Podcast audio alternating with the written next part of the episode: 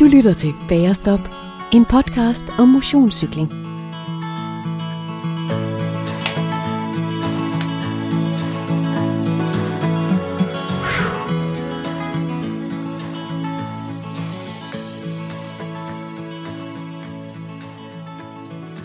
Det var en af de aller sidste dage i april 2019. Man kunne dufte, at foråret var på vej. Men man kunne først og fremmest se det på de helt lysegrønne blade på de hundredvis af bøgetræer i skovene omkring Gammelry. Den spirende skovbund og vindens fredfyldte masseren af de små dunede bøgeblade var ikke det eneste indtryk i den dybe skov den her dag. I skærende kontrast til omgivelserne bragede en gruppe ryttere ned igennem et halsbrækkende spor i et område af skoven. Rytterne var til Downhill Cup, hvor det slet og ret går ud på at komme så hurtigt ned igennem en bane fra A til B. En af dem var Jesper Helgaard fra Silkeborg. Han var relativt ny i sporten, men havde lynhurtigt omstillet sig fra at være en del af eliten i den danske motocross-scene, til nu også at være en af de bedste herhjemme i den her særlige cykeldisciplin. Derfor havde han også set frem til den her dag, hvor han var på hjemmebane i den kuperede skov ved Gammelry.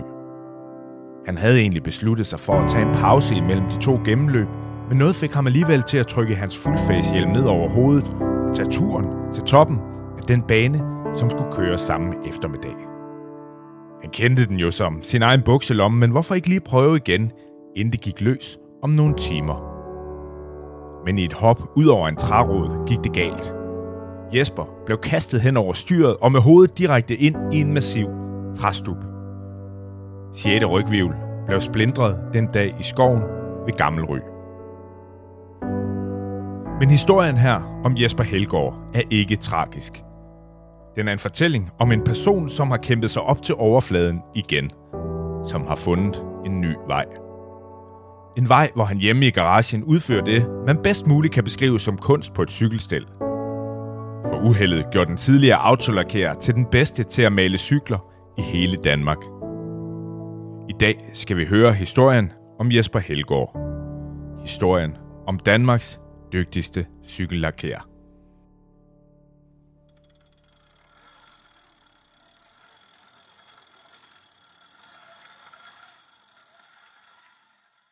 Hej og velkommen til Bagerstop dit podcastmæssige stambord for dig, som er fast gæst på din racercykel. Det her er lyden for dig, som cykler præcis som Tom Pitcock, og selvom du måske får trænet lige lidt nok. Mit navn er Martin Weibel, og jeg er din vært på podcasten her. Bærestop har som målsætning at være så usnoppet som overhovedet muligt. Det er ikke vigtigt her i podcasten, om du har de helt rigtige farver øh, og mærker på cykeltøjet, om dine cykelbriller er de mest moderigtige, eller om dine cykelsko er hvide, sorte eller lyserøde. Alligevel så skal det handle om, øh, ja, netop farver i dag. For uanset om man er ung eller gammel cykelrytter, om man er kvinde eller mand, tyk eller tynd, så er det fedt at have en flot cykel.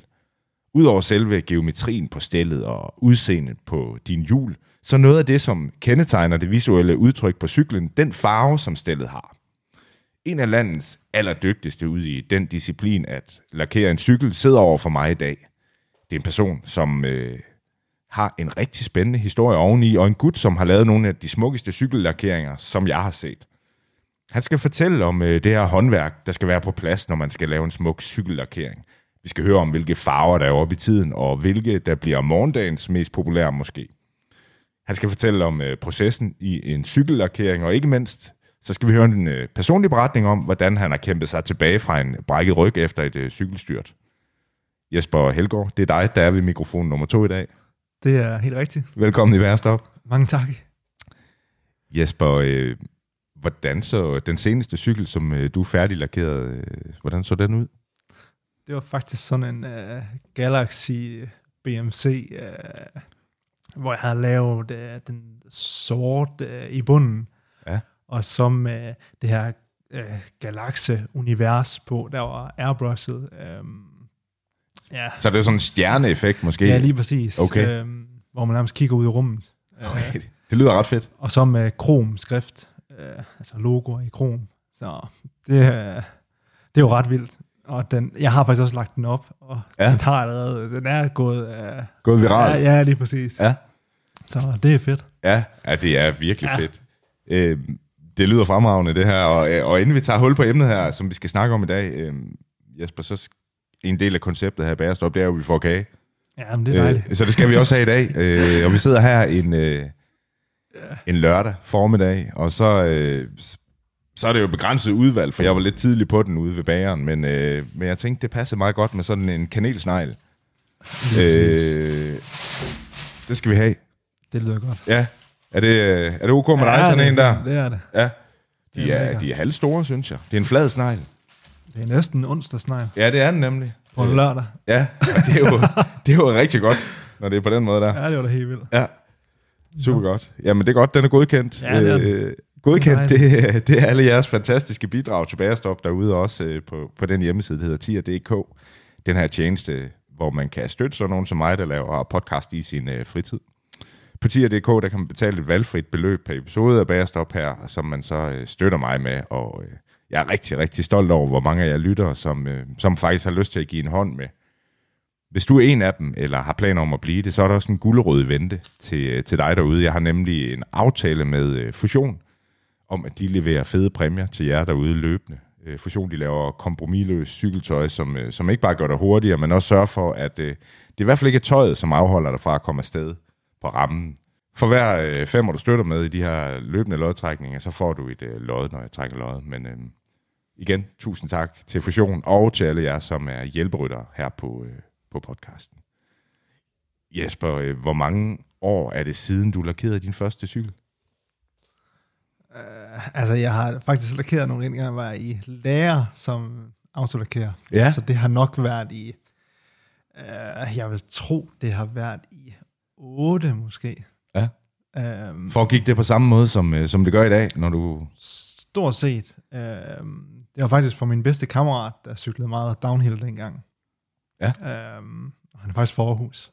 Okay. Uh, så ja, det, øh, Hvordan det var ud? meget sjovt. Den blev øhm, grøn, og jeg husker, at vi også malte hans, øh, hans fældringe, og Ja. dem malte vi også den her, jeg tror faktisk, det var den der Lamborghini-grønne farve, og, Ja. så, øh, og så gul.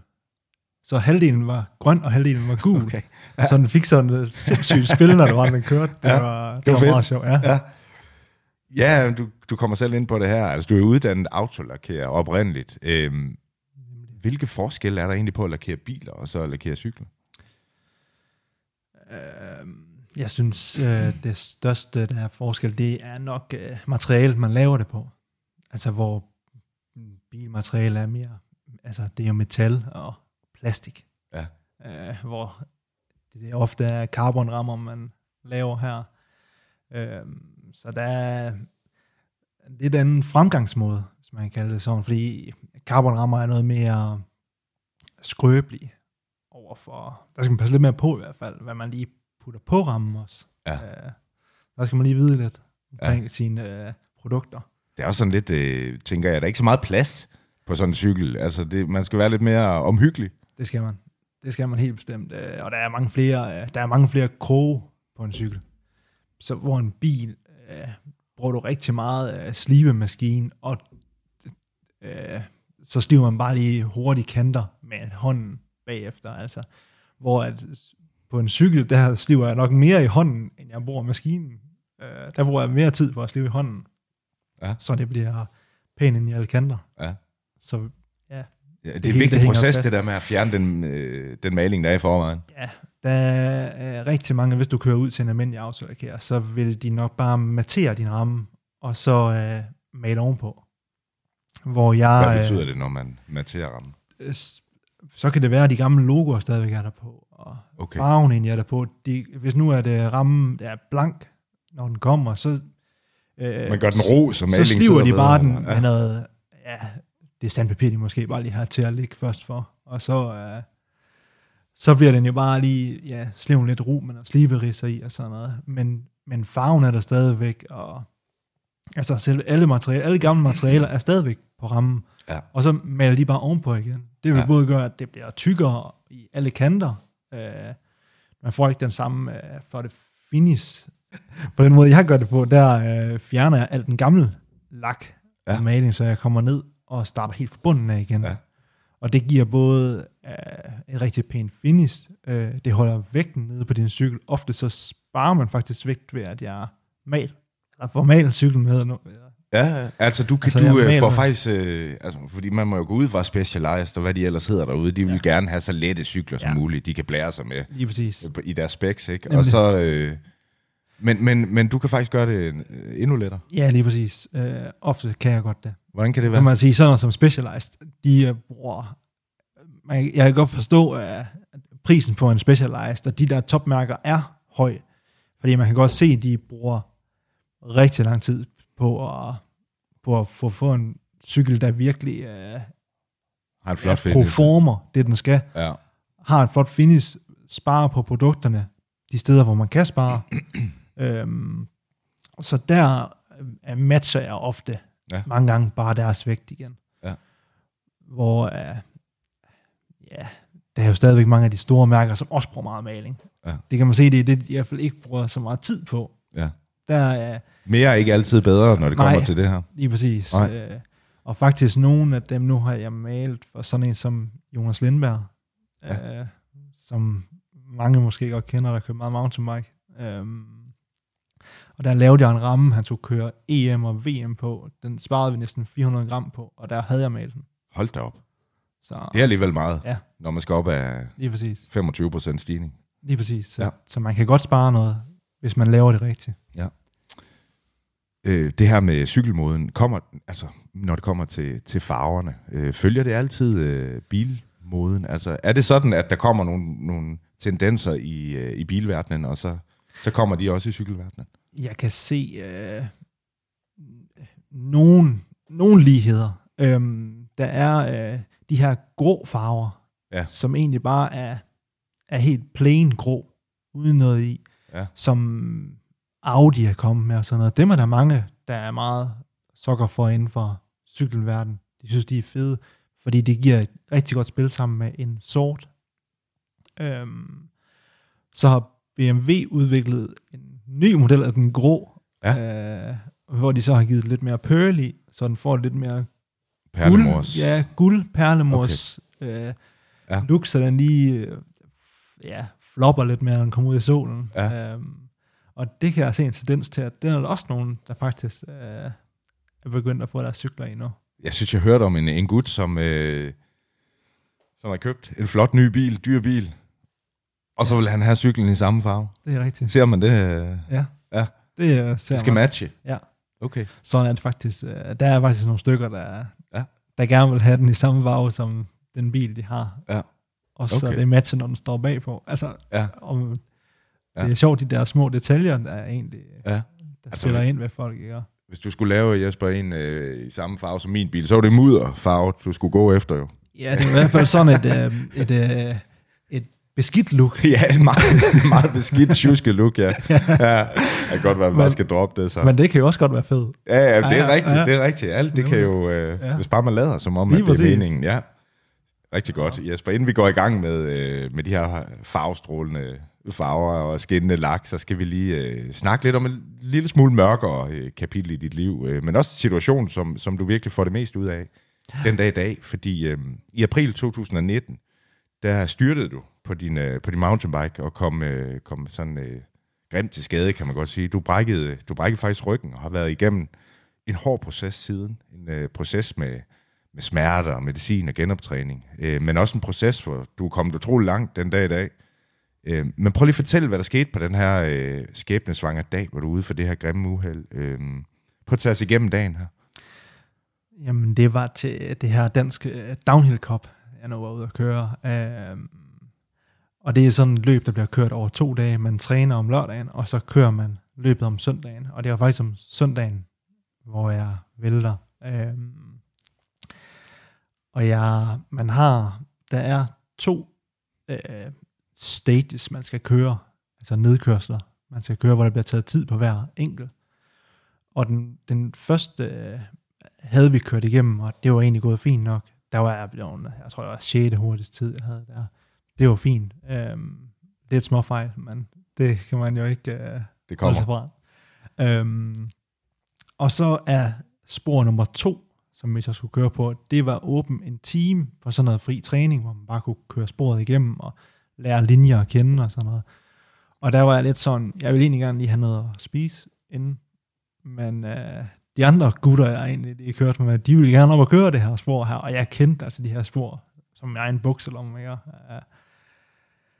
Jamen, så, ja, det kunne vi godt. Så kører vi op, så lod jeg være med at tage noget at spise, og jeg var egentlig ikke oplagt på at skulle køre stærkt ned eller man skal sige. Så jeg tænkte, åh, åh kører jeg bare stille over nedad. Så har jeg da kørt lige, lige og kigget. Men så kommer man til et sted, hvor der kommer sådan ja, fem rødder lige efter hinanden. Og der plejer jeg altid at køre venstre op, sådan ligesom venstre om, så kan man sådan hoppe over rødderne venstre op omkring. Og så åbner man op ned til næste sving, der kommer. Men jeg ved ikke, hvad jeg har tænkt, men jeg tror to meter før jeg rammer de der rødder, der tænker jeg, ah, det kunne være, at jeg kunne lige prøve at springe til højre i stedet for, for det, det kunne være, at den linje var bedre, altså bare for lige at prøve noget nyt. Og så da jeg rammer rødderne der, og så sætter af på dem, der tror, jeg tror, at jeg tror, den tredje eller fjerde rod, den er sådan højere end alle de andre. Og der kan jeg bare mærke, at mit baghjul, altså mit, mit baghjul gør, for et, et, et smæk af den første rod, jeg rammer, og så dykker min foran lidt, og så lige klipper den der høje rod der, og så ryger jeg ellers bare, at cyklen forsvinder bare under mig. Øh, og så flyver jeg jo gennem luften, og umiddelbart, hvad jeg kan se, jeg har faktisk noget video til at lægge omkring det her øh, efterfølgende, ikke, ikke understyrtet, men øh, hvor, hvor det cirka er sådan 12 meter, jeg tror, jeg er fløjen i luften, før jeg rammer sådan en træstup med mit hoved. Altså man skal forestille sig, at jeg flyver vandret i luften, og så rammer sådan en træstup, der er selvfølgelig er savet af nede ved jorden, men en stor træstup og ja, 30-40 cm i diameter. Øhm, og jeg har fuldfæsthjelm på, øh, men den flækker op igennem, altså det øverste del af træstuppen, det bliver sat lige i panden af mig, og så resten af mit hoved, det bliver sådan set sat ned i træstuppen. Øh, så min, flæ, min hjelm, den flækker op igennem øh, øh, hovedet, eller op over, hvad hedder det nu, panden der, og så øh, kæben er flækket i seks dele her. Og det øh, bløder faktisk ret meget ud af min mund, og det er faktisk det første, jeg sådan lige umiddelbart hæfter mig ved, at jeg kan godt mærke, at jeg har slået min, min mund, øh, og der bliver jeg så tilset af nogle samaritter, og, altså jeg cykler ned derovre samler min cykel op igen, cykler ned derovre Og det er bare ren adrenalin, man kører på. Og jeg øh, kommer ned, og folk kan jo godt se, at jeg har været væltet og sådan noget der, og jeg bliver tilset af noget. Og der kommer en, der er tandlæge, som også er ude at cykle her. Han kommer hen og tjekker mine tænder faktisk, for at se. Og der kan han se, at mit, øh, mit tandkød er, er rykket sådan set fra mine læber, både i over- og undermund. Øhm, så det er det, der forårsager alle de der blødninger der. Øhm, så tror jeg, der går en halv time, hvor jeg lige sidder og sunder mig lidt, og så var jeg lidt, om jeg bare skulle låne en hjelm, og så bare køre det der spor der, for at, at køre færdig. Øh, ren øh, sportsmand, men det er også, øh, ja, det er bare ren adrenalin, jeg simpelthen kører på her. Men bliver så enig med mig selv om, at jeg også skal op på arbejde om mandagen, og, og jeg kunne alligevel se på min hjelm, at den var alligevel lidt ødelagt, ikke? så altså, jeg tænkte, det var så bedre at pakke min cykel og køre hjem, og så slappe af. Så var jeg klar til at arbejde i morgen. Uh, og da jeg kom hjem, der, var, der synes jeg heller ikke, der var noget. Der sad jeg, selvfølgelig var jeg jo ja, forslået, men ikke... Det har du været før. Lige præcis. Uh, ikke mere, end jeg synes, jeg har været før. Og da jeg vågner om morgenen dagen efter, der kunne jeg faktisk ikke bevæge mig fra halsen her ned. Øhm, så der, hvad hedder det, vækker jeg selvfølgelig min kæreste, og jeg siger, at hun skal hjælpe mig med at komme op, og vi tager ned til min læge, og bliver tjekket der, og han mener så, at jeg nok har brækket min ryg, øhm, og sender mig så til Viborg sygehus. Øhm, og her tjekker de mig, og ja, de mener jo så ikke, der er noget galt med mig. Det mener de ikke. De mener faktisk bare, at, der, at jeg skal behandles for piskesmæld og hold i nakken. Sådan noget diskus -agtigt. Det var det, de mente. Så blev jeg sendt hjem igen. Og så kunne jeg bare tage panodiler og øh, Ipren. Og så går der to dage, så ringer de og siger, at jeg skal komme med det samme. Fordi at de har kigget på de her billeder her, og øh, øh, de tror, at der er lidt mere galt, end de har set til at starte med.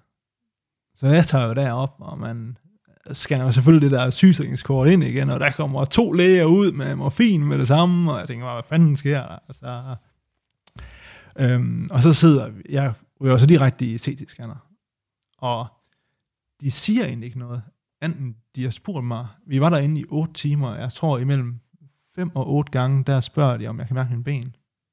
For, og jeg kan jo gå derind, altså.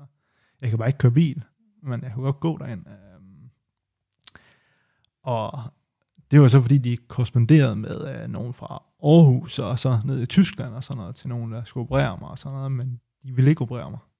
Fordi det simpelthen var så øh, øh, kompliceret, det her brud. Øhm, man skal forestille sig, at min rygsøjle har, den har ikke fået et slag ind for ryggen af. Den har simpelthen fået et slag over for hovedet af, så ned igennem hele rygsøjlen, og så er 6. rygviv bare sprunget. Øhm, og i første omgang, der finder de ud af, at der er et, øh, et stykke af, af selve rygvivlen, øh, der er brækket af, men der er ikke åben ind til rygmagen. Og det stykke, der er så brækket af, ligger faktisk helt op mod mine naver ned til mine ben. Øh, og hvis de går ind og opererer det, så vil de så kappe mine naver. Øh, og så vil jeg ikke du fra brudet af ned. Øh, så derfor ville de ikke operere mig. Og det kan man jo godt forstå den dag i dag, men altså, så kan man sige, så var det jo så bare en, øh, ja, en kamp derfra. Jeg tænkte egentlig, at jeg har skulle set andre også brække ryggen. Men når folk brækker ryggen, så er det faktisk ofte de der tapper, der er ude. Det er aldrig, det er næsten dem, der har noget med selve ja, rygvivlerne at gøre. De er ofte lamme, eller ja, du er ikke mere. Men dem man ser, der bare brækker ryggen, og to måneder efter, så kan de jo snart det hele igen. Det er ofte, hvor de bare enten bare bukker de der tapper der, eller der brækker en lille fli af, eller sådan noget. De er forholdsvis nemmere for til at gå sammen igen. Og det er den, det er den typiske måde at brække ryggen på. Min er meget atypisk. Øh, der ser man ikke særlig mange, og der er kun, dem der brækker ryggen som mig, er der kun 2%, der kommer til at gå igen. Så, så, så øh, når du sidder her, Jesper, og også bliver påvirket ja, af fortællingen, øh, føler du dig så mest uheldig, eller føler du dig mest heldig? Hvilken ja, følelse har du? Uh, lidt begge måder, fordi at uh, selvfølgelig føler jeg mig heldig over, at jeg kan gå, og at, jeg har en krop, der også fungerer i dag. Ja. Um, men stadigvæk er jeg uheldig, fordi at uh, mit liv er jo ændret uh, på stort set uh, alle punkter. Mm. Uh, så ja. jeg har jo haft en kæmpe påvirkning på mit liv, og har det stadigvæk i dag. Mm.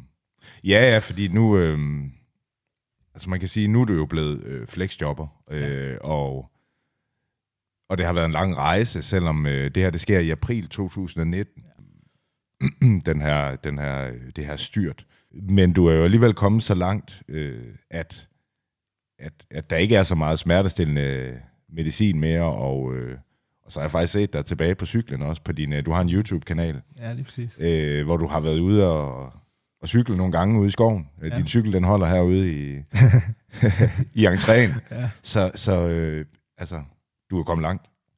Ja, det er. Og jeg er også kommet øh, noget længere, end hvad lægerne troede.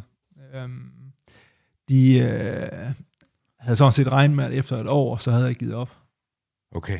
Øh, og det øh, har jeg bare sagt til mig selv, det vil jeg ikke. Jeg skal bare øh, blive ved med at tro på det. Øhm, blive ved med at, at gøre det, der er godt for ens krop. Altså, jeg kan godt mærke, at øh, hvis du nu ser ind i vores stue, ja. så er der jo nærmest træningscenter herinde også. Helt det ved jeg ikke, om du har set, men det ja. er der. Øh, og det er faktisk meget der fra et, øh, et træningscenter, som er gået konkurs, ja. nede i Tønder, hvor vi var nede og hente en masse dernede, for, okay. for at jeg kunne træne herhjemme. Og du har sættet nogle timer i de maskiner der? Ja, der er brugt en del tid her for og det gør jeg også, altså, og stadigvæk, jeg træner sådan imellem 4-5 gange i ugen, for simpelthen at holde min krop i gang. Ja. Øh, så du har en, en, faktisk en utrolig stærk øh, muskulatur i kåren? Ja, og, øh... ja lige præcis. Øh, jeg, øh, har været inde på sådan noget øh, smerteklinik for rygskader. Og der blev jeg faktisk scannet igen, fordi at de ikke kunne forstå, at det blev ved med at... Jeg havde sådan nogle øh, svigt ud i mine ben, hvor at, øh, når jeg for eksempel øh, cyklede på en øh, almindelig mountainbike, når jeg så ramte en bakke og skulle op ad, der er begyndt at presse lidt, Ja. så mistede jeg faktisk forbindelsen ned til min venstre ben. Og de synes, det var mærkeligt, at det, det stadigvæk påvirker mig. Øhm, så der, fik de, der scannede de jo så hele min ryg igen, og, sådan, og de kunne faktisk se, at, at det ene brud, de havde fundet der, øh, dengang for halvanden år før her, det, det var slet ikke nok. Den har været brækket i tre dele, den her. Den og havde været åben ind til, ja, og været åben ind til rygmarven. og de der friktionsplader imellem, ja, fra 5. til 6. og fra 6. til 7. De var begge to flækket også og sådan noget. De havde bare fået lov til at gro sammen. Så de havde også sagt, det var måske bedre, at man havde opereret mig fra starten af. Okay. Selvom der havde været så store konsekvenser for, at øh, jeg ikke kunne gå.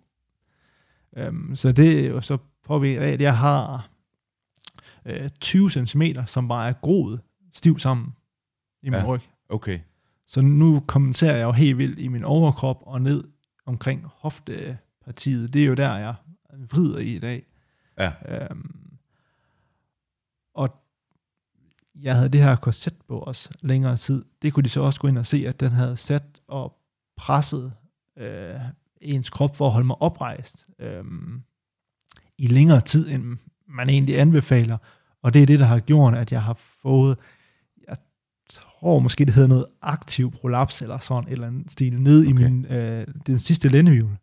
Og det er det, der så lukker af ned til mit venstre ben. Okay. Øh, Ja. Så det er simpelthen på grund af, af det her korset her, jeg har fået det. Og det har de ikke, heller ikke opdaget på sygehuset, så det, ja, det, var Det er sådan både lidt- godt og skidt, ja, ikke? Ja. lige præcis. Øhm, og så står man jo bare øh, halvanden år efter, og der kan man altså bare ikke gøre noget, fordi det hele det er bare groet sammen, øh, som det nu er. Ja. Øh, Men, øh, men når man så ser de her videoer, du lægger ud nu, ja. Ja. øh, altså jeg synes jo også, det er et utroligt, øh, altså stærkt, øh, at du har, du har kunne levere den her kamp, og du har blevet ved, og du har, øh, fordi, altså nu er du jo ude i skovene igen, og ja. Ja. kan, kan faktisk hoppe på din mountainbike igen. præcis. Øh, det, er jo, det er jo helt vildt i forhold til, hvor stor risikoen var for, at du slet ikke kunne bevæge dig. Ja. Og du skal faktisk, øh, der hænger bagved dig nogle billeder af et, øh, en baby, der er på vej her til mig. Altså, så det er alligevel lidt af et, øh, et step, ikke? Jo, det er det. Ja. det er da en step i den rigtige retning igen. Altså, og jeg kan også godt mærke det her, bare, bare det at kunne komme ud igen. Ja. Øh, at føle man ligesom er en del af det her fællesskab igen på en cykel, det er, det har virkelig givet noget af boost og Ja. ja. livsglæde igen. Ja. Så ja, og så hvis vi skal have en baby, det er jo, ja, det er jo meget ekstra plus. Ja, Og det er dejligt. Det er fantastisk. Det er ja. Fantastisk. Øhm, jamen, det er godt at høre. Øh, man kan sige, den her cykel øh, historik, du har, øh, også inden dit styrt. Du starter jo faktisk som øh, motocrosskører, og er rigtig dygtig.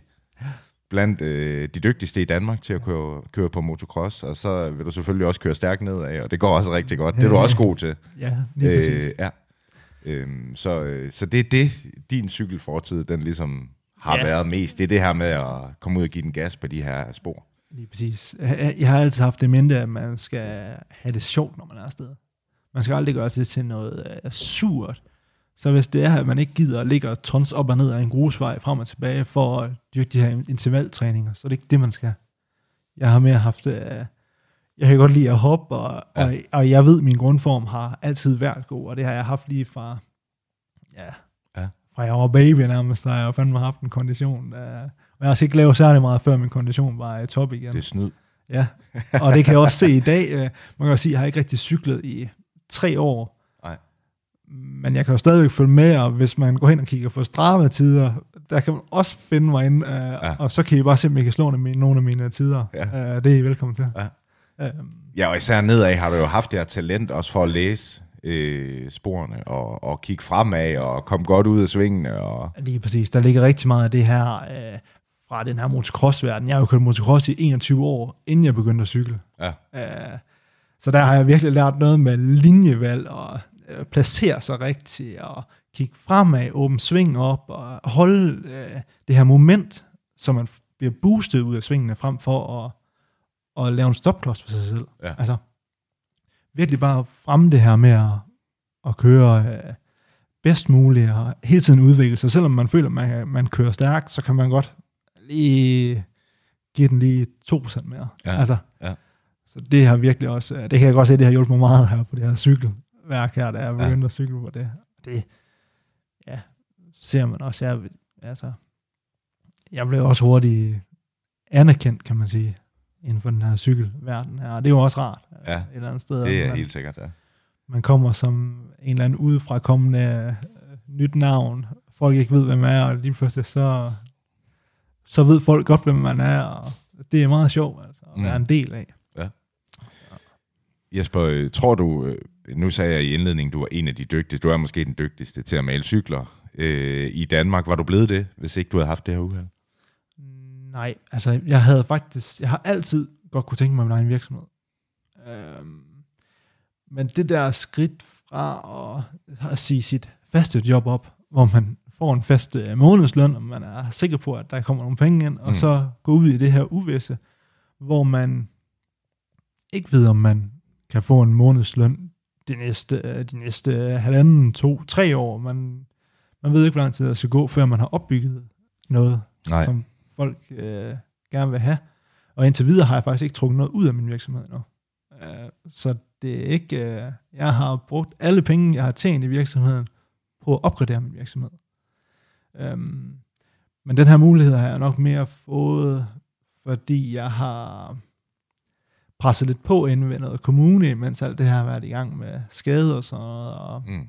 jeg har været ude i øh, praktik øh, andre virksomheder, og de virksomheder, der har haft mig i praktik, ved godt, hvordan det har været. Øh, der har jeg ikke været mere end en uge, så øh, har jeg lagt ned øh, og været øh, ringere end, end faktisk, da jeg kom til skade nogle gange, Mm. hvor man tænker lidt, øh, så læger også skal ind, og så skal ind og sige, skal sige stop til, at kommunen skal presse mig mere Mm. end, øh, Ja. end de gør, for ikke at ødelægge mig. Altså. Så, så det var egentlig min, det var faktisk min egen læge, der opfordrer mig til at lave noget derhjemme. Og så må jeg bare gå i tænkeboks Ja. over, hvad det skulle være. Ja. Og så prøver jeg egentlig, jeg, jeg havde en øh, gammel øh, krosshjelm til at stå. Og så tænkte jeg, jeg kan da prøve, jeg kan da prøve lige at male den. Så, ja. så gjorde jeg egentlig det, og, og lagde den på min øh, øh, Instagram. Og ja, folk de gik jo helt mok. Jeg lavede egentlig bare sådan noget Monster Energy Edition-agtigt på den, fordi Ja. ja. det var bare en, jeg skulle ikke sælge den til nogen, jeg skulle Nej. bare, Lave noget lige og Ja, lige med det. Ja. det var egentlig bare for at prøve at se, hvad jeg lige kunne. Øhm, så gik folk lidt amok, og så var der en, der ville have malet en bagramme til en mountainbike, og så kom der en anden en, der ville have malet en forgaffel. Og lige pludselig så var der en fra København, der ringede, om jeg kunne male en hel cykel. Jeg tænkte lidt, ah, det vidste jeg ikke lige helt, men, men det sagde jeg faktisk ja til. Og så var jeg nede i Harald Nyborg og købte noget præsending, og, og så op, øh, sætte det op ind i min øh, garage og lave noget Ja. intimistisk øh, sprøjtekabine der. Det, Ja. ja. Nu er det jo så blevet langt mere avanceret. Ja, jeg var lige ude og kigge. Altså, du har jo øh, en kæmpe maskine, hvor du ligesom øh, får, får lakken af, den eksisterende lak af. Den kan alt muligt, det skal vi høre lidt om. Og så øh, har du et rum, hvor du maler, og øh, altså, det er virkelig... Øh, der hænger cykler på, på række, og du, det er et fedt Ja. sted. Ja, ja, ja, Ja. ja. lige præcis. Um, altså, altså, der er sket en del fra, fra tanke til, hvor jeg er Ja. ja. nu. Uh, og der er der også nogen, når de kommer, så oh, man, er det bare hjemme ved dig selv. Og Ja. det er ikke, altså man kan godt høre på mig, at de havde måske regnet med, at det var en eller anden uh, kæmpe, jeg havde en kæmpe industrigrund et eller andet sted, hvor jeg havde en kæmpe virksomhed, men det behøver det altså ikke at være for, at... Altså, i fodbold, der er man jo bedst på hjemmebane. Så, ja, lige præcis. ja. Ja. Så det er Ja. ja. derfor, jeg er herhjemme. Fantastisk. Godt. Lad os, øh, lad os lukke den her ja. øh, med, med uheld, og så kigge lidt mere på, øh, på de her lakeringer. Det er så fede. Hvis vi tager den mest komplicerede og ekstreme cykellakering, du nogensinde har lavet, hvilken cykel var det, øh, og hvordan, øh, hvordan blev den?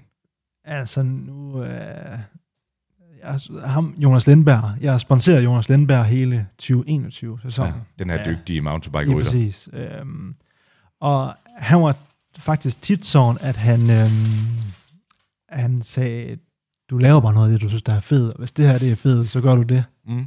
Så der har jeg, jeg har faktisk lavet rigtig mange fede rammer til ham. Men jeg har lavet en for en, der hedder Gregers Pedersen, som også er, er kæmpe navn inden for den dansk mountainbike, faktisk. Øhm, han har ja, kørt meget af de der urban downhill ned i Mexico og sådan nogle ting. Okay. Så jeg har lavet sådan en uh, track slash til ham, hvor, vi, hvor jeg dyppede den i maling, hvis man kan sige det sådan. Um, der lavede jeg den rød i bunden, og så uh, havde jeg lavet, jeg havde lavet 10 forskellige farveprøver til ham på de her, um, forestil dig, jeg har, jeg har sådan en kæmpe kar herude bagved os, hvor jeg ja. kan putte vand i, og så uh, kan jeg sprøjte maling på overfladen, og så dyppe de her cykler ned i. Det er noget, uh, der tager rigtig lang tid. Uh, hver farve skal tørre i 24 timer, når det er. Så det er sådan en lang proces. Ja. Um, og der uh, lavede jeg sådan noget, hvor, hvor det ligesom var sådan nogle streger, der var igennem. Så forestil dig, at den er rød, og så skulle den være sort og grå, og de her sort og grå streger, det skulle være sådan noget, det skulle egentlig være lidt tilfældigt, men det skulle ligge på langs af cyklen, Ja. og det skal man have til at passe på sådan en full suspension, hvor alle de der dele der skal passe sammen. Så der var lige lidt, øh, der, var lidt der skulle lige tænkes lidt, øh, Ja. men, øh, men det var nok, øh, jeg, jeg tror umiddelbart, det er det vildeste projekt, jeg har lavet. Øh, ja. Blev det flot? Ja. Ja. Det, og man kan faktisk også stadigvæk se den øh, rundt. Jeg tror stadigvæk, jeg tror også, den ligger inde på min Instagram. Ja.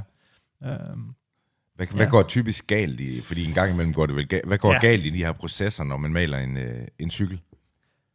det er ofte faktisk, jeg synes, øhm, logoer. Ja. Øhm, hvis ikke man laver dem skarpt nok.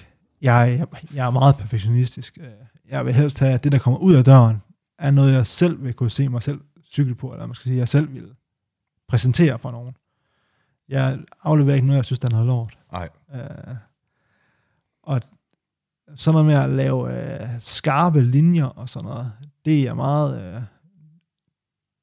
det, lærer man selvfølgelig også efterhånden. Øh, der er nogle farver, hvor det er nemmere at, øh, hvad skal man sige, sprøjte logofarven på først, og så sætte logoer på farven, og lave alt det andet bagefter. Okay. Øhm, og andre, der laver man det hele på rammen, og så sætter man logoerne på bagefter, hvor jeg så maler logoerne på bagefter til sidst. Du Ja. maler logoerne. Kan man ikke bare sætte klistermærker på? Og det kan man godt, men uh, Men det er ikke den rigtige måde at gøre det nej, på. det er det ikke. Det er, og det er den måde, man får næsten alle andre steder. Ja. Og det er ikke, uh, Det er ikke fedt. nej, det er ikke, uh, det er ikke den rigtige måde at gøre det på. Nej. Uh, folie er ikke uh, beregnet til, at man lukker det inde med lak. Så det er, det er beregnet til, at man sætter det uden på noget. Ja. Øh, og alle folk vil også gerne have, at det er, man ikke kan mærke den her overgang imellem logoer og selve farven, rammen den skal have. Ja. Og med maling, så kan du nærmest lægge ingenting på. Så der skal ikke, det skal jo bare lige dække, og så, øh, så kan man faktisk ikke mærke den her overgang her, så bliver det øh, rigtig lækker. Nemmere at holde, når man også skal vaske den, og, sådan, og der er ikke ja. nogen dumme steder, hvor der kan sætte noget skidt og sådan noget der. Så Altså, jeg har lige malet studer. Jamen, jeg havde problemer med at undgå at få noget på stikkontakterne bare. Så øh, jeg, tror, jeg tror, det er godt, det er dig, der maler de her ja, cykler. nemlig. Ja, okay. Øhm, hvad er det første, du gør, når der kommer en cykel ind, øh, som, som allerede har en farve? Jo, øh, så kommer der en cykel ind, som du skal have lakeret. Hvad, er det, hvad, hvad gør du? Selvfølgelig skal man komme med cyklen øh, skiltet, så jeg bare får rammen Ja. og forgaflen. Ja. Øhm, så det første, jeg gør, det er faktisk at... Øh, jeg har sådan noget, noget man kalder silikonefjerner, der, der fjerner alt, øh, alt fedt. Altså det kan være fra kæde og sådan noget, der er kommet på, og lege fedt og sådan noget. Alt Ja. det her nu. Øh, fedtfinger og sådan noget. Ja. Så man gør rammen ren. Og man også får, når man spiser kanelsnegl. Lige præcis. Sådan noget der. Ja. øhm, Ja. ja. så, øh, så begynder jeg faktisk at måle alle logoer op. Og jeg er selvfølgelig, der er selvfølgelig mange rammer, de kommer, hvor de bare er plastret ind i logoer fra fabrikken. De vil gerne, øh, øh, fabrikken vil jo rigtig gerne øh, øh, hvad hedder det nu, fremme deres mærke øh, og vise folk, at det er en eller anden Mm, mærkecykel, man gerne... Ja, lige præcis. Ja. Så står det overalt på en cykel her, fordi det skal alle folk se. Og der er mange folk, de vil jo gerne bare have, hvor det er på skrårøret, og så om foran på den. Det er måske det der, det er det der typisk af folk, og måske, måske lidt på en forgaffel eller sådan noget. Det er, hvad folk ja. sådan ofte får. Øhm, så jeg plejer så at, at måle alle logoer, og både længde og højde af alle logoer, og bagefter placering af alle logoer, så jeg får placeret dem de originale steder igen. Så det, det skal være sådan, at når du holder den hen ved siden af en anden en, så skal man ikke, altså, man skal der skal ikke være det der forskel. Øhm, der er nogle enkelte, sådan noget som Cannondale, det er jo et forholdsvis lang, øh, lang logo-navn mm. at have. Og der er faktisk mange af deres rammer, der går deres øh, sæd, det går helt ned bag ved klingerne på deres racerrammer. Ja. Og det plejer jeg faktisk bare lige at gøre en lille smule mindre, så man kan se det hele i stedet for. Okay. Det der, så man ikke, så det ikke er, er forsvundet ind bag ved noget, logoet. Men så logoet er synligt. Det, ser bare bedre ud, både på billeder og... Det skal du lige have fortalt dem. Ja, lige præcis. og det, det siger jeg også til folk, at... Mm. Øh, men der har jeg så nogle, øh, der har jeg så nogle mål, jeg nogenlunde ved, hvor stor, øh, hvor store klingerne de er på sådan nogle racercykler. Så der ved jeg nogenlunde, hvor langt jeg skal ud. Ja. Øh, Men du så. måler logoerne op, fjerner silikone, måler logoer op. Ja. Hvad sker der så? Så begynder jeg faktisk enten at enten putte dem ind i den her maskine, jeg har, øh, som er en sandblæsermaskine, hvor der kan jeg, jeg kan både øh, glasblæse i den, og jeg kan blæse med sådan nogle øh, specielle nødeskaller, og de her nødeskaller kan man kun købe i Tyskland, og ellers kan du købe nogle steder i Europa. Hvorfor nødeskaller? Hvor, hvorfor er det de specielt godt til at fjerne? De er blødere maling? end carbon. Så hvis man blæser på carbon, for eksempel glas, altså, så vil det selvfølgelig gå meget hurtigere med at få malingen af, men, men jeg vil også ødelægge øh, de her carbonfiber, i hvert fald det øverste lag af carbonfiber, så står man faktisk med en ramme, der er totalt skadet. Uh, det vil ikke være så fedt. Nej, lige præcis. Øhm, så derfor bruger jeg de her øh, nødskaller. Øhm, de, går, de er mere porøse end carbon, så de går i stykker før carbon. Og når nu de er så porøse, så tager det også længere tid om at slå malingen af. Ja. Det, giver sig selv. Ja. Man skal, um, den her maskine, der jeg var ude og se den jo, Jesper, ja. man skal sådan forestille sig, at øh, jeg har set sådan en science fiction film, hvor der er nogle, øh, sådan nogle aliens, som man ja. stikker hænderne ind til. Lige præcis. Igennem, øh, ja, der er sådan to åbninger, du kan stikke hænderne ind, og ja. så er der en, øh, en kraftig øh, glasrude eller noget, mm. og, øh, og så en metalkappe. Ja. Så sidder du der, og så kører den bare løs på... Lige præcis. Der har man simpelthen, øh, man stikker hænderne ind, øh, og det er i sådan nogle øh, tykke gummihandsker, sådan set, som kan tåle noget af det her, når man nu, hvis man holder noget i hånden, når man blæser med, med glas, og så blæser hen over hånden, så blæser man ikke sin hånd i stykker. Ej, så det beslutter det ligesom lidt. Ja. så er der selvfølgelig lys i den her kabine, og der er udsugning. Og nede i bunden af maskinen, der ligger alle de her, øh, ja, enten glas eller de her nødeskaller. Øhm, og så har jeg selvfølgelig en pistol derinde, som så suger af det her produkt her, og det genanvender det meget. I de der nødeskaller kan man bruge, jeg tror det siger to måneder eller sådan noget så plejer det så, men det, altså, det der stadigvæk virker, det falder bare ned til jorden igen, ned igennem en rest, og så ned i bunden igen. Det, der ikke virker, det bliver suget ud af det her udsynssystem. Det suger simpelthen så hårdt, at det suger alt det der støvpartikler væk. Ja. Så der er også meget spild, men det er organisk, så det kan jeg faktisk bare hælde ud i min bed, det der er ved siden af her. Så det bliver bare til jord igen. Altså, okay. Altså det, ja, det, er fedt, det er mega smart. Derfor kan jeg også godt lide at bruge det her. Ja. Det er heller ikke usundt at stå i. Det kan godt... Selvfølgelig har det lidt en en speciel duft, mm. øh, når man lige bruger det, men øh, det er forholdsvis... Øh, det er biologisk. Lige præcis. Ja. Okay. Og så skal du i gang med at, at dække af og, og have malet det. Ja, der er faktisk, når sådan er blevet blæst derinde, så plejer jeg faktisk at slibe dem over, en, bare lige i hånden, hurtigt. Altså, og det er bare, det kan godt have, man skal forestille sig, at det egentlig, det er jo sådan nogle små små stykker, som egentlig bare laver nogle små grader ned i det hele, for at stå det fra. Så en carbonramme er jo, er jo selvfølgelig af carbon, men den er ligesom coated med sådan noget. Og det der coat der, der kan den godt lave sådan noget små grader i. Der plejer jeg bare lige at slibe det hurtigt over, bare lige i hånden.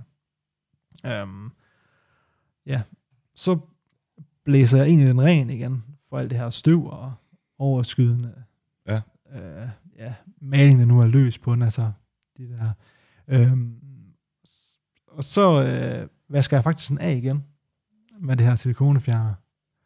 Fordi der kan godt have kommet noget ud indenfra, og der kan godt have været noget i, i det her carbon øh, fiberne, og det er blevet dannet, at der kan være noget olie fra, det kan være fordi jeg har form af, Mm. sådan noget der. Så det vasker man af også, så det er Så den er igen. helt ren. Ja. Ja.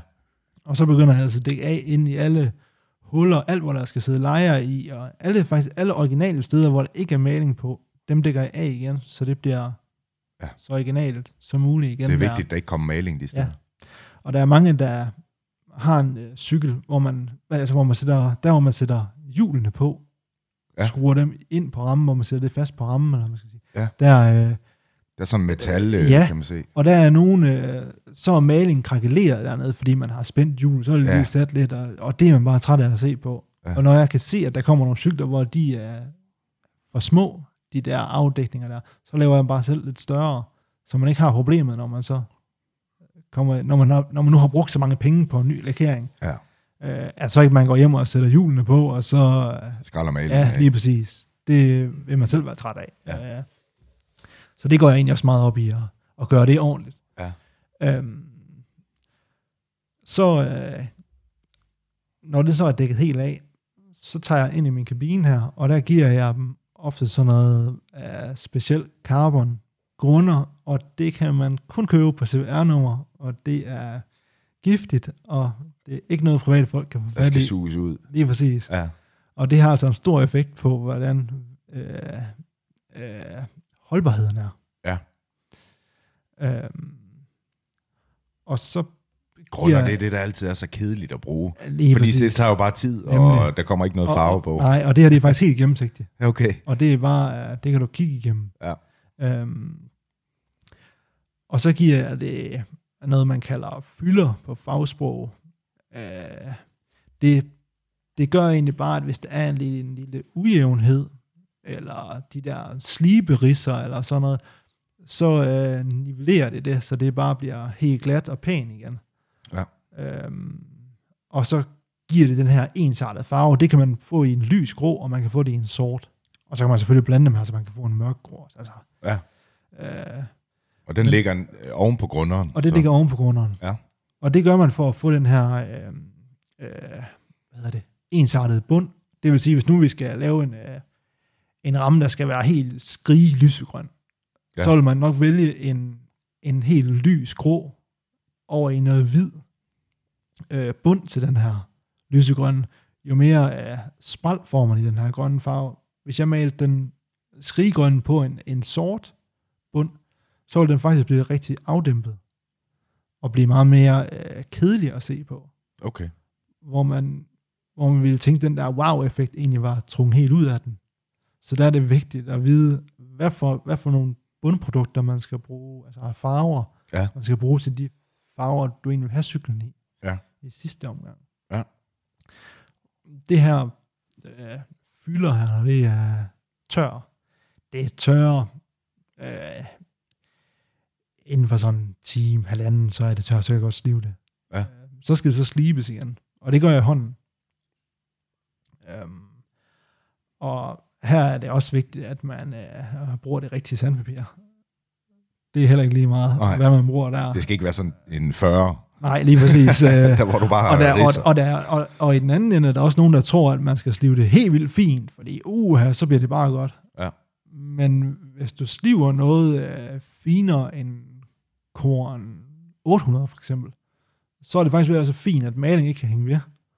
Og så har man det der, når man så tager en blæsepistol, og der bare lige er en lille stenstag, og man lige vil, øh, man har vasket sin cykel, og man lige vil øh, blæse den ren for vand, for at give den noget kærlighed, når man, øh, Ja. så kan man faktisk blæse malingen af, fordi den slet ikke hænger ved. Ja. Den har ingen vedhæftning. Nej. Altså, jeg maler faktisk ofte oven på noget, der hedder altså 600. Okay, Det er faktisk det, jeg sliver mest. ja, Det er det stykke sandpapir, jeg bruger mest. okay. Men det er dog også øh, Det er stadigvæk et, fint. et fint Det er stadigvæk fint, ja. ja. Det er det. Okay. Og så kommer, så, så går du i gang med de her mønstre og specielle Nemlig. ting. Der har Flere- jeg, jeg har selvfølgelig et kontor også, hvor, øh, hvor jeg har, der har jeg skæremaskinen, og der, ja, jeg har computer setup, hvor jeg kan simpelthen øh, lave alle de her logoer, mønstre, hvad man nu gerne vil have, så øh, alt kan der så gøre her. Der er ikke, øh, jeg ser der ikke så mange begrænsninger. Det, jeg ser mere muligheder i, i folks fantasier. Det, det er kun sjovt, når folk de kommer med skøre ja. idéer. Ja. Øhm, og Fedt. ofte ender det ud i faktisk at være bedre, end folk havde tænkt sig. Øhm, det er jo en god ting. Ja, lige præcis. Ja. Øh, men det bruger jeg også tid på. Bare lige at, og selvfølgelig går jeg ind på computeren, laver logoerne igen, så, så de er i en rigtig størrelse. Ja. Og hvis nu skal, der er jo mange, der gerne vil have lavet noget indvendigt på en forgaffel, hvor der er et eller andet, så er der et eller andet mønster indvendigt på en forgaffel, eller et ja. eller andet. Ja. Så laver jeg det ind på computeren også, og så skærer jeg det ud i sådan noget speciel folie. Ja. Uh, jeg har prøvet at bruge almindelig skiltefolie til at starte med, fordi det er fem gange så billigt. Ja, det var da rart at kunne bruge det. Uh, ja, ja, så det ja. tænkte jeg, det var da smart, så var jeg spare nogle penge ja. der, men uh, når man så har malet over det folie her, og trækker folien af igen, for nu at få logoerne på, ja. man skal jo forestille sig, at jeg, at jeg skærer i det her folie her, og så egentlig, egentlig piller logoerne ud af folien, og så sætter omkredsen på cyklen igen af logoet, ja. og så maler på, trækker det her folie af igen. Der kan al limen fra folien så sidde på cyklen, hvis du bruger det forkerte folie. Okay. Så står der der, og du har malet en ramme, og du... Ah, så der, der sad jeg til at starte med og vaskede af ind imellem alle bogstaver og sådan noget, for at få det her lim af. Ja. Og da, det, da jeg havde gjort det på to eller tre rammer, så tænkte jeg bare, at det her, det gider jeg satan væk og, og bruge mere tid på. Så var det jo bide sur æble, og så købe uh, en rulle, og der køber du altså en rulle, der er 50 meter. Det er det mindste, du køber. Og det koster lidt. Lige præcis, og det ja. koster altså nogle penge. ja. Um, ja. ja. det her. Og, ja. og det fungerede jo bare. Ja. Og så kan man lige pludselig lave meget pænere arbejde. Og sådan noget. Altså, det er jo tydeligt at høre, der ligger mange timer i det her. Ja. Hvor mange timer går der med en, øh, en gennemsnitscykel her hos dig? En, jeg, jeg, jeg regner ofte ud fra, at jeg bruger 10 timer på en cykel, sådan at jeg er på en cykel 10 okay. timer. Ja. Øh, der er meget ventetid imellem det her også. Ja. Der er meget tørtid. Øh, ja. Det er selvfølgelig stort. Det der med bare at gå ind og, altså ind og male, selv at male rammen, det er ikke det, der tager tid. Øh, bare altså, at, at give den en farve. Okay. Hvis den bare skal være sort med hvide logoer, for eksempel. Så er det ikke, altså jeg kan hurtigt sprøjte noget sort på. Øh, hvis jeg sprøjter en ramme, jeg vil tro, at jeg bruger måske 10 minutter ind i den her kabine. Så har jeg malet den der ramme Ja, det er ikke det, der Nej. du bruger tiden på. Nej, det er det ikke. Det, er alt det, andet, øh, det tager måske øh, en time bare at dække den af inden. Alle de der steder der, for ikke at få lagt ind i uh, legeområder og alle de her afdæknings... Uh, det er det kedelige, apropos den der stuemaling væk med. Det er det. Ja. Alt det der, alt det, man, alt det folk de ikke tænker på, det er ja. lige præcis det, der tager tid. Ja. Og nedslipning og ja. den her proces, inden man egentlig kommer til alt det, der egentlig er fed ikke, at lave. Jo. Det, ja, præcis. Øh, hvis vi kigger på de farver og tendenser inden for lakeringerne her i år 2022, øh, hvilken fornemmelse har du af de tre mest populære farver? Hvad er de lige for tiden? Jeg synes, altså, nu kan man sige nu, der, øh, jeg vil sige, sidste år, der var det meget det her, hvor, øh, hvor, hvor de skiftede lidt imellem farver, hvor det blev sådan en øh, blå, lille, guld hvor den sådan skifter alt efter, hvordan solen stod. Det var rigtig populært sidste år. Der kom mange rammer fra fabrikkerne også, ja. med de her. Scott laver dem også, hvor de, øh, hvor de har to farver, der sådan skifter mellem to farver og sådan noget. Øh, de har været populære. Det er ligesom om folk, de måske synes, det er måske lidt for meget af det ja. gode. Ja. Altså, hvor at jeg faktisk synes sådan noget som sådan en almindelig grå, Audi grå, der bare er helt helt plain, almindelig, så er der faktisk mange, der får lavet deres cykel i. Okay. Øhm, ja. Ja, så sort er jo altid, det er man også mange af, der godt vil have. Men ellers så ser man også den her øh, øh, hvid, hvidlakering, hvor det er med pearly, altså hvor den simpelthen får et afbræk, så den ikke bare bliver hvid mm. og beskidt øh, med det samme, man cykler på den, men når man lige giver den bare lige lidt spral, ja så... Øh, ja, det spræl, det er sådan noget øh, genskin. Ja, lige præcis. Det er så, så kan den sådan få et øh, guldskær, eller ja. grønt skær, eller sådan et eller andet. Ja. Og der kan jeg jo... Ja, det er jo ligesom fantasien, den ja. er, sætter grænser. Jo, altså, det sidder det, du selv og blander det her, ligesom... Ja, øh, ja du, havde, du havde sådan en masse af sådan nogle halvliters malinger derude. Ja. Øh, og de spænder vidt i, hvad de koster, sådan en halv liter... Det gør de. Øh, det gør de. Eller maling. Hvad, der hvad er jo, altså, fra det, den billigste halvliter koster 300 kroner. Så når jeg nok, jeg tror det er plus moms. Ja. Og den dyreste koster næsten omkring 3.000 med moms. For en halv liter maling. For en halv liter maling. Ja. Altså, og, og, og dem der, der er dyre, der skal jo ofte en bundfarve under, som er den billige. Altså, der skal ofte en sort ned under. Ja. Så der bruger man jo også en af dem der, der koster 300 kroner. Altså, ja. Og så skal man også oveni have de her dyre farver ovenpå. Altså, det, ja. Så det koster hurtigt noget. Øh, og jeg har også et kæmpe lager. Altså, øh, altså jeg har mange, jeg har rigtig mange farver på lager. Ja. Øhm, og kan ja, alt hvad man alt hvad man nærmest ser på nettet i dag, det kan jeg skaffe. Ja. Uh, så hvis man har en eller anden idé, man, man ser, det er faktisk ofte sådan, folk gør, de ser noget, de synes, der er fedt, og så skriver de til mig, at de har sådan en cykel, og de kunne godt tænke sig, at det måske bliver den her farve, som sådan noget her et eller andet på. Ja. Nå, men det kan jeg godt uh, lave. Jeg har også skaffet den farve der. Ja. Er det det sjoveste i virkeligheden? Ja, det er For det. dig? Ja. Det er det. Jeg kan godt lide, især de der special, uh, hvor der kommer nogen, der vil have lidt mere, ja. ja lidt mere spræl i. Ja. Der er jo kommet, jeg har lige lavet sådan en uh, S-Works Epic mountainbike i sådan noget crystal effekt hedder det. Det er ligesom sådan noget, hvor, uh, hvor, det, hvor maling simpelthen uh, krystalliserer. Det er rigtig specielt, og der har jeg faktisk, jeg tror, jeg har haft fem forskellige producenter indover for at finde noget, der virker ja. af det. Okay. Og det er først her, det er først nu her, jeg har fundet, øh, jeg har eksperimenteret allerede med det til at starte med sidste år. Og jeg har, det er først, øh, det er nu har jeg først lige lavet den første af dem, der har virket. Ja. Hvor, det har, hvor jeg kunne få det til det. Du er nørd, Jesper, det er herligt. Ja. Øh, nu skal vi nørde lidt i nogle øh, cykler. Jeg, jeg har haft gang i printeren og har, øh, har printet nogle af cyklerne ud fra øh, World Touren. Ja. Øh, så du får lige nogle, øh, nogle af fire ark her, og så, så gennemgår vi dem lige, så skal du øh, vurdere dem, ja. øh, de her cykler. Jeg tænker, at øh, de skal have, du, skal, du skal give karakter. Du er, du er sensoren i dag. Ja, det du vi. giver fra 1 til 10 malerpensler i karakter. Ja, lige er du frisk på det? Ja, det gør vi. Fedt. Det gør vi. Og vi starter øh, fra toppen, sjovt nok.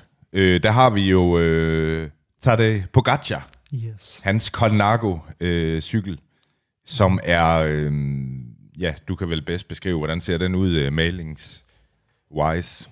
Altså, den er egentlig lavet, øh, den er i matte finish, den her. Øhm, og det betyder, at den er ja, selvfølgelig en matte lakering frem for den er blank. ikke så meget Nej, lige blank. præcis. Der er ikke det her blanke dybde i den. Så det er faktisk også meget populært. Ja. Men rigtig dumt, hvis man gerne vil have en cykel, der, er- der er nem at holde ren. Ja, Øh, så skal man ikke vælge en mat cykel. Øhm, men så har den de her øh, Colnago logoer, øh, som er i sådan en, øh, jeg vil egentlig kalde dem sådan en øh, champagnefarve-agtig. Og jeg ville have kaldt den guld, men... Øh, Ja, det, men ja. det, er, det er champagne. det er mere sådan at champagne, den Ja. er ikke øh, så guld. Øh, Okay. Så skal du se noget, der er guld i stedet. Ja. det er også godt nok. Øhm, jamen, så har den selvfølgelig det der øh, røde streg, eller felt, kan man kalde det, Ja, på felt. overrøret der. Ja, næsten hen ved Øh, styret. Ja, lige præcis. Øh, som er faktisk meget kendetegn for de her, er det ikke noget sponsorværk, de har på? De har jo de her emirater, og så øh, UAE, det er jo øh, Lige man sige, præcis. landet, ikke? Så, så Nemlig. deres flag er ligesom på... Øh, Lige På sadelrøret. Nemlig. Så det er egentlig en meget, den er egentlig meget øhm, øh, afdæmpet øh, malingsmæssigt, men så er der bare nogle enkelte detaljer, der er lige sådan, får den til at sprælle lige lidt. Ej, altså, jeg synes jo, den er flot, øh, faktisk. Den er meget øh, klassisk flot. Ja. Øh, stilren, eller hvad man skal sige. Den er ikke så... Øh, den er ikke så...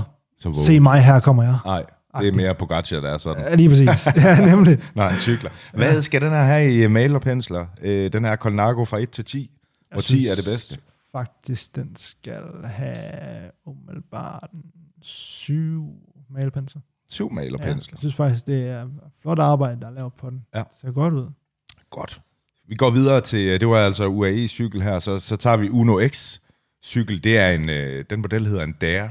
Lige præcis. Og øh, den er jo noget mere simpel på en eller anden måde at, at se på øh, farvemæssigt. Øh, er hvad siger vi her? Prøv at beskrive den. Den her, den er rød og så er den, har den sådan en hvid der logo på underrøret. Og så har den jo selvfølgelig, der står Uno X Pro Cycling over på, På overrøret. overrøret her. Ja. Øhm, Og det er det, mere eller mindre. ja, og der er faktisk lidt sjov historie, fordi det er de eneste i Europa, der kører på de her. Ja, jeg synes heller ikke, øh, det er et mærke, som Øhm, jeg, jeg og faktisk kendte. Jeg har faktisk lige malet en cykel til dem. Har du det? Ja, det har. Nå, hvad var det for en cykel? Den er bare ikke lige lagt ud endnu, og den er ikke offentlig. De har lige kørt løb på den. Nå. Uh, det er en bjergcykel. Det, det, det er samme model, som den vi ser her. Der er kun den her Aero-model her. Ja. Men så har jeg hjulpet dem med at lave en, som har skulle være super let. Så der har vi skrællet alt maling af. Og kun givet den det her carbon primer, jeg har snakket om før også. Ja. Og så har vi bare sat det her der logo på. ja, det er Johannesson, brødrene, der skal suge rundt Det, på dem. øh, hvad hedder ham? Hvad hedder, ja, det kan godt være. Eller Anton. Oh, jeg kan Charme. ikke huske, hvad han hed. Jeg kan ikke huske, hvad han Nej. hed. Fra, Nå, Øh, de, øh, de havde brug for en lidt lettere ja. cykel. Men den har de, de har lige kørt løb på den. De har også lige lagt nogle billeder op af det og sådan noget. Ja. Øh, men øh, Okay. det, det er meget specielt det her. Fordi de må godt, de må, de må jo sælge den her cykel efterfølgende. Og det er de faktisk øh, sådan lidt patentagtigt på i Europa, at det er dem, der må sælge de her cykler her. Ja, okay. Øh, så det, Nå. det er et meget sjovt mærke, altså. Øh, Altså, nu skal jeg jo ikke øh, være, være, være for hård her, øh, fordi, øh, men jeg synes jo, den er lidt kedelig. ja, det synes de også selv. Okay. Så, okay. Ja. Men øh, det, er, det er deres øh, røde farve, det ja. er simpelthen, det, det Ja. er deres symbol, det, er- det er det, Ja. de vil, øh, det er det, de vil brande sig selv på. Yes. Øh, og den er faktisk, altså selve farven, når man ser den tættere på, eller ja. Sådan, ude i solsolen, faktisk ret pæn. Ja. Okay. Øh, det er en farve, der er, er, er pearly, altså hvad man skal sige, der er rigtig meget spil i den, Okay. når, der, når man lige kommer, kommer til den. Men på afstand er den ja, meget almindelig kedelig. Ja. Så der vil jeg også sige, at Colnagoen er, er noget flottere. Ja. Så hvor er vi henne karaktermæssigt? Jeg synes også, det er så fem måske. Den Fem er så meget middel, den her. Ja. Ja. Okay, du vender øh, siden rundt her, og så kommer vi til Ja, da. Egitoire af Chaudoir, afhængig af, hvordan man, øh, man, man siger det. Og der har vi jo en... Øh, Det lød rigtigt. ja, ikke godt? ja, ja, ja, det synes jeg. Om ikke andet, øh, en BMC-cykel med, i hvid og rød. Prøv, at, prøv lige at beskrive den. Ja, den er faktisk den her, kar, eller den her, den, den har meget øh, karakter af, hvordan de her BMC, de gerne vil brande sig. Hvad man skal sige, hvor de har en, øh, de har egentlig en hvid farve, eller man skal sige, den kunne også have været sort, for eksempel. Ja. Men den her, den er hvid, Ja. Og så har den en rød stribe, som er fedtet over i noget sort over på overrøret. Og det er faktisk ret fedt lavet. Jeg synes, det der spil er meget fedt. Ja. Og her har de ja, taget det lidt mere, et step lidt op. Så her har de malet øh, styr eller frempind ind i, øh, ind i den her røde farve, så det også matcher ind i cyklen. Ja. Og så har den øh, BMC-logoer på, som er meget enkle, øhm, i sort. Og de logoer går også rigtig sammen, godt sammen med, øh, med både styr, styrbånd og sadel og sådan noget. Altså, der er ligesom en helhed her, og det her røde noget, det er lige, det, jeg synes for mig ligner det sådan lidt fart, eller hvad man skal sige, den får Den en ser hurtigt ud, Ja, ja. lige præcis, den, Ja. ja. den får en anden stribe igennem, som, Ja. ja. som gør et eller andet, det, det er rigtig enkelt og simpelt at lave og sådan noget, men, men selve udfaldet er virkelig godt her. Ja. Så den, Den synes, her overgang fra det sorte til det røde på overrøret, øh, er den lavet skarpt, eller er det noget, der ligesom det bliver, er, hvor de er blendet ind i de bliver hinanden. blendet ind i Ja, hinanden? lige præcis. Okay. Der har de nok, altså hvis det var mig, så havde jeg malet den rød først deroppe. Ja. Og så har jeg taget det sort, og så, og så malet den helt sort hen i bagenden, eller man skal sige, og så duste stille og roligt ind i det røde. Ja. Helt forsigtigt, så, så man laver den der overgang der pæn. Det er flot, det her, er det ikke det? Jo, det synes jeg. Jeg synes, Ja. den, øh, den er virkelig pæn. Den kan, den kan jeg godt lide. Så hvor er vi henne? Øh, antal malerpensler? Jeg synes ej, faktisk, den 8, 9, 9 stykker ved 9, Hold vil jeg næsten synes. Jeg, ja. jeg synes faktisk, Ja. den er rigtig flot. Ja, BMC. Det synes jeg. Ja. Den, øh, det er meget flot, fordi de er også rigtig gode til at lave deres linjer helt skarp. Ja. Her, og det kan man også se, den der linje, den har overrødets farve, altså rød og sort der, og så ned i den hvide, Ja. det, det passer bare. Ja. Det passer bare rigtig godt til, til selve rammen. Mm. De næste, der har vi øh, gode gamle Valverde ud at cykle, øh, og det har vi, fordi det er Movistar, der er afsted her. Øh, og de kører jo på Canyon-cykler, øh, og de har den her karakteristiske lyseblå og sorte farve. Nemlig. Hvad, hvad, prøv at beskrive det lidt bedre, end, end jeg kunne her. Altså selve forgaflen er den her lyseblå farve her med med logoen er hvide på den. Ja. Og den har den her lyseblå, altså det er sådan en, den er næsten over i noget, man kalder babyblå. Ja, Uh, det kan du jo snart... Øh, det var en farve, der var meget fremme i, ja, omkring øh, 0, og start nullerne på biler. Også der, Ja, det er rigtigt. dem, der lavede biler om og sådan noget også, de fik meget sådan Ja. babyblå, det var bare Sådan creme helt, de la øh, creme dengang. Ja, altså. sådan en kaffekande Ja, blå. ja, lige præcis. Og her har de lidt taget den her, den er lidt taget med over på en cykel -agtig.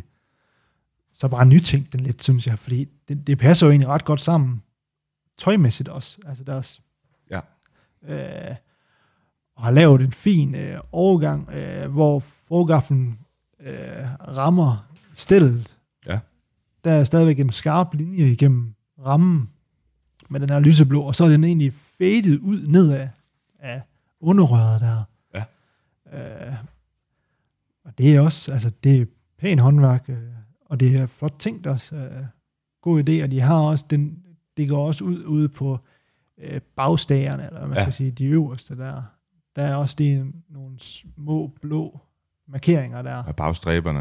Ja, lige præcis. Hvad, hvad hedder det? øh, Ja, og det er jo en, øh, blandt andet Mathias Norsgaard her fra Silkeborg-området, han, øh, han, han drøner rundt på sådan en cykel lige nu. Lige præcis. Øhm, jeg synes, den er meget pæn. Øhm, måske ikke helt lige så fed som BMC'en, men hvor er Nej. du henne Det synes jeg heller ikke. Øh, i farve? Øh, synes sådan set... Malearbejdet her. øh, Jeg vil tro, jeg vil synes, den ligger lidt sådan omkring en syver.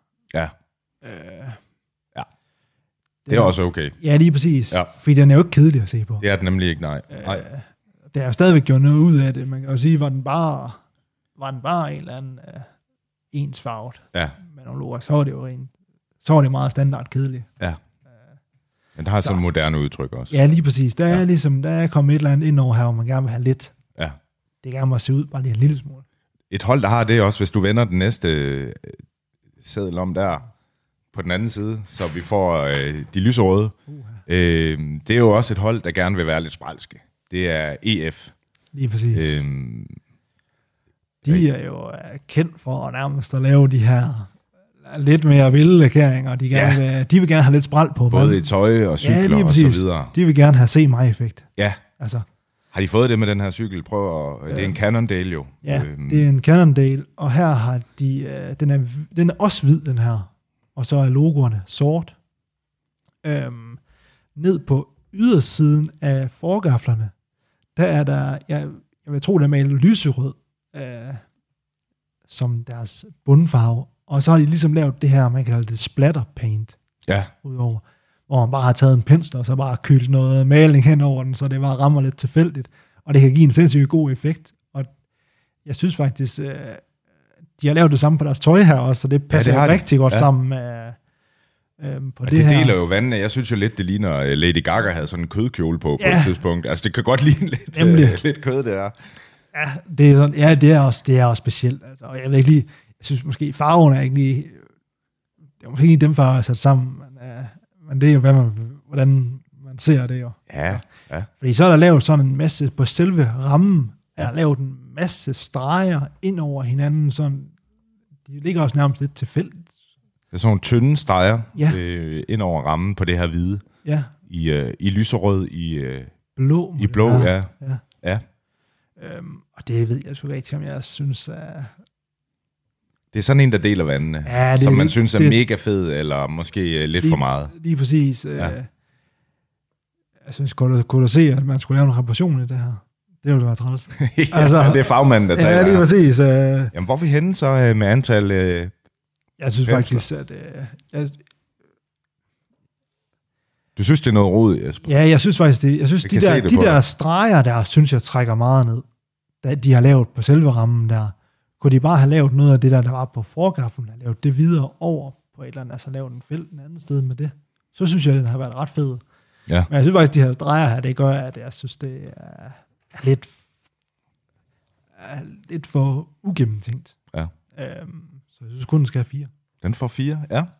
Så vender du den rundt, og så får vi et, øh, et hold, som vi har set rigtig meget fremme i, i felterne på det seneste, i, mm. i World Tour-felterne. Det er en Jumbo Vismas øh, gule og sorte Cervelo-cykel, øh, vi har.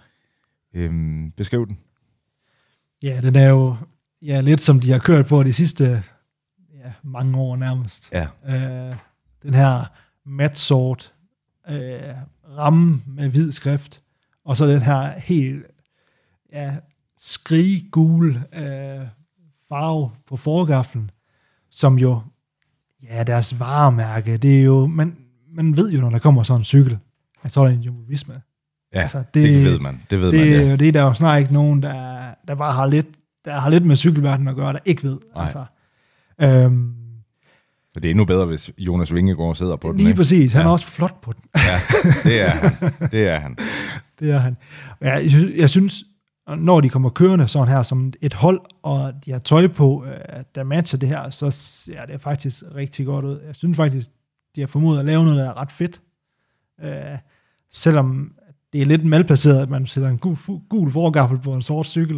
Øh, det bliver lidt bi-inspireret. Men, Ja, det er faktisk men, rigtigt. Men, det, øh, men, øhm, Wout van Aert, han var også lidt en humlebi, der ikke Ja. vidste, at han ikke kunne flyve på Ventoux sidste år. øh, ja, øhm, Men altså, igen, jeg synes faktisk, jeg synes faktisk, det fungerer ret godt. Ja. Øh, jeg synes jeg synes ikke, det er en grim cykel.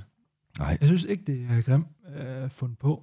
Så hvor er vi henne øh, med antal mal- malerpensler, inden vi går til den sidste? Jeg synes, vi skal sige en 6'er til den her. Ja. Så, En sekser. ja, og det er egentlig mere, fordi den er sådan lidt, den er stadigvæk lidt kedelig. Ja.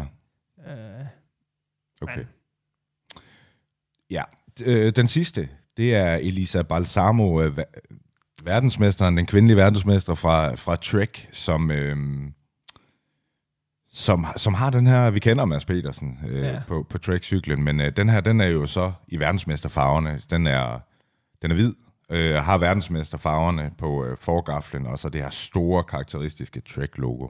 lige præcis. Hvad siger du til det? Jeg synes, det er, det er godt, at Trek er kommet frem med, at de vil have lavet det, Trek-logoet større. Ja. i forhold til, nu har jeg selv, jeg har selv en, en uh, landevejsramme fra 19, hvor logoet egentlig er meget mindre på, hvor jeg synes, det er sådan lidt, det er malplaceret. Det er sådan ligesom om, at ah, man har ikke lige kunne finde ud af, hvor stort det skal være.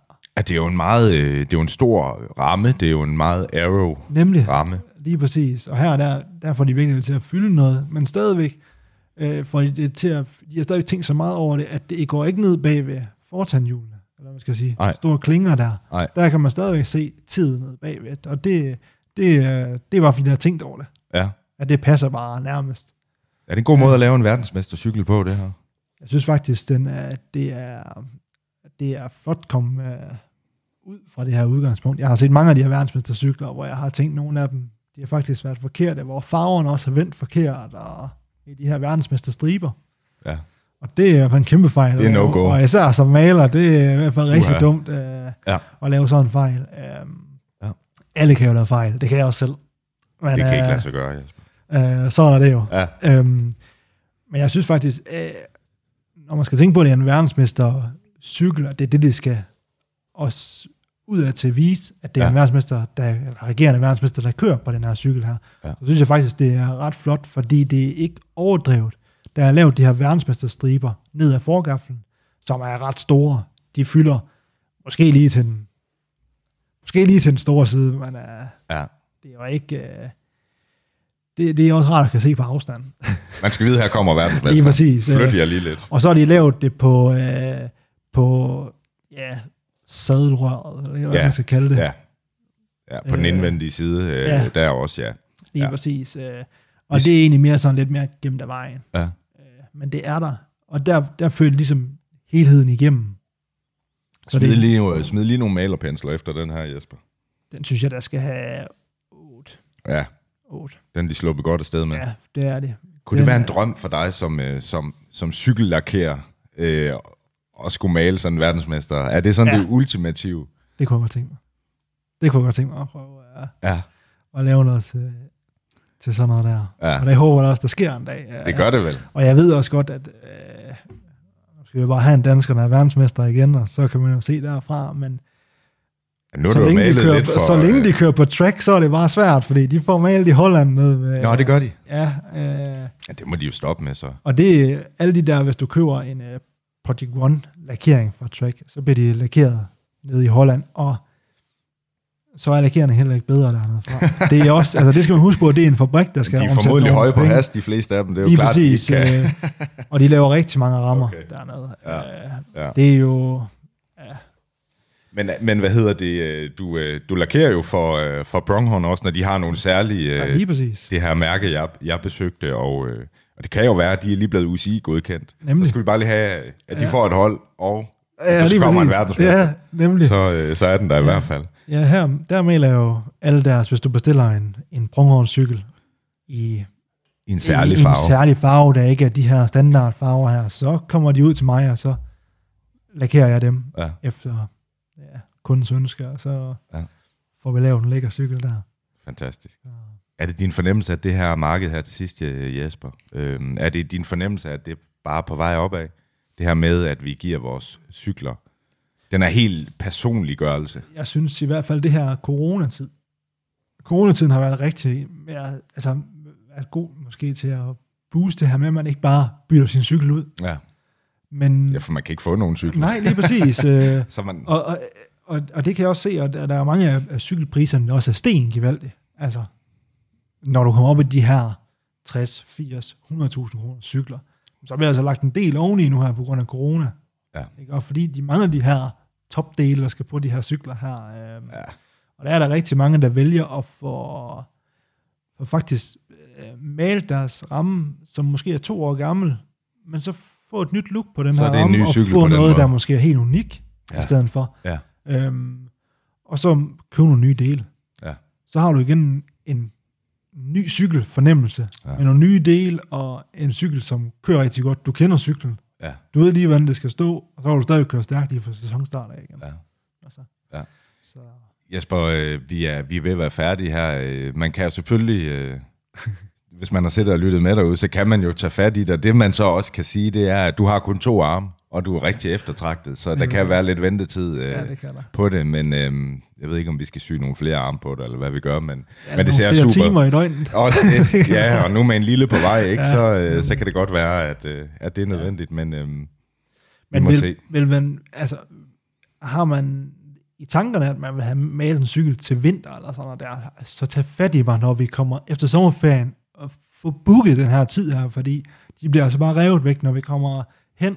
Der er mange, der har ringet til mig i januar, jamen de kan ikke få en tid før april. Altså, det, øh, Ja. og så man vil jo gerne have sin cykel klar til, når det er sådan noget vejr, som det er for tiden. Ja, det er jo det. Er jo det. Men øh, sådan er det, at være populær. Øh, Nemlig. så øh, Det er kun rart, det er dejligt. det er kun rart. Og det var også rart, at, øh, at have dig med i Bagerstop. Jesper, det var en kæmpe fornøjelse. Det var, det var spændende at høre dig fortælle om, øh, om din genoptræning. Det var næsten endnu mere spændende at høre dig fortælle om, øh, om de her lakeringer, ja. Og, og høre dig give karakter til, til det her. Tusind tak, fordi du havde lyst til at være med. Det var så let. Også, øh, tak. Ja, og også tak til dig derude, som, øh, som står og lytter med i cykelværkstedet, øh, sidder på home traineren og lytter med øh, i bilen eller på gåturen med hunden. Hvis du kunne lide det, du hørte, så sus ind og abonner på øh, Bærestop, og gå også meget gerne ind og støtte på øh, tier.dk, hvis du har lyst til at være med ombord som, øh, som hjælperytter. Tilbage er der bare ønsker nogle øh, fantastiske ture i det danske forårsvejr. Kun få ting slår jo en øh, cykeltur på de danske landeveje de kommende måneder, så er stiger afsted med dig, og øh, ellers så er du bare tilbage at sige.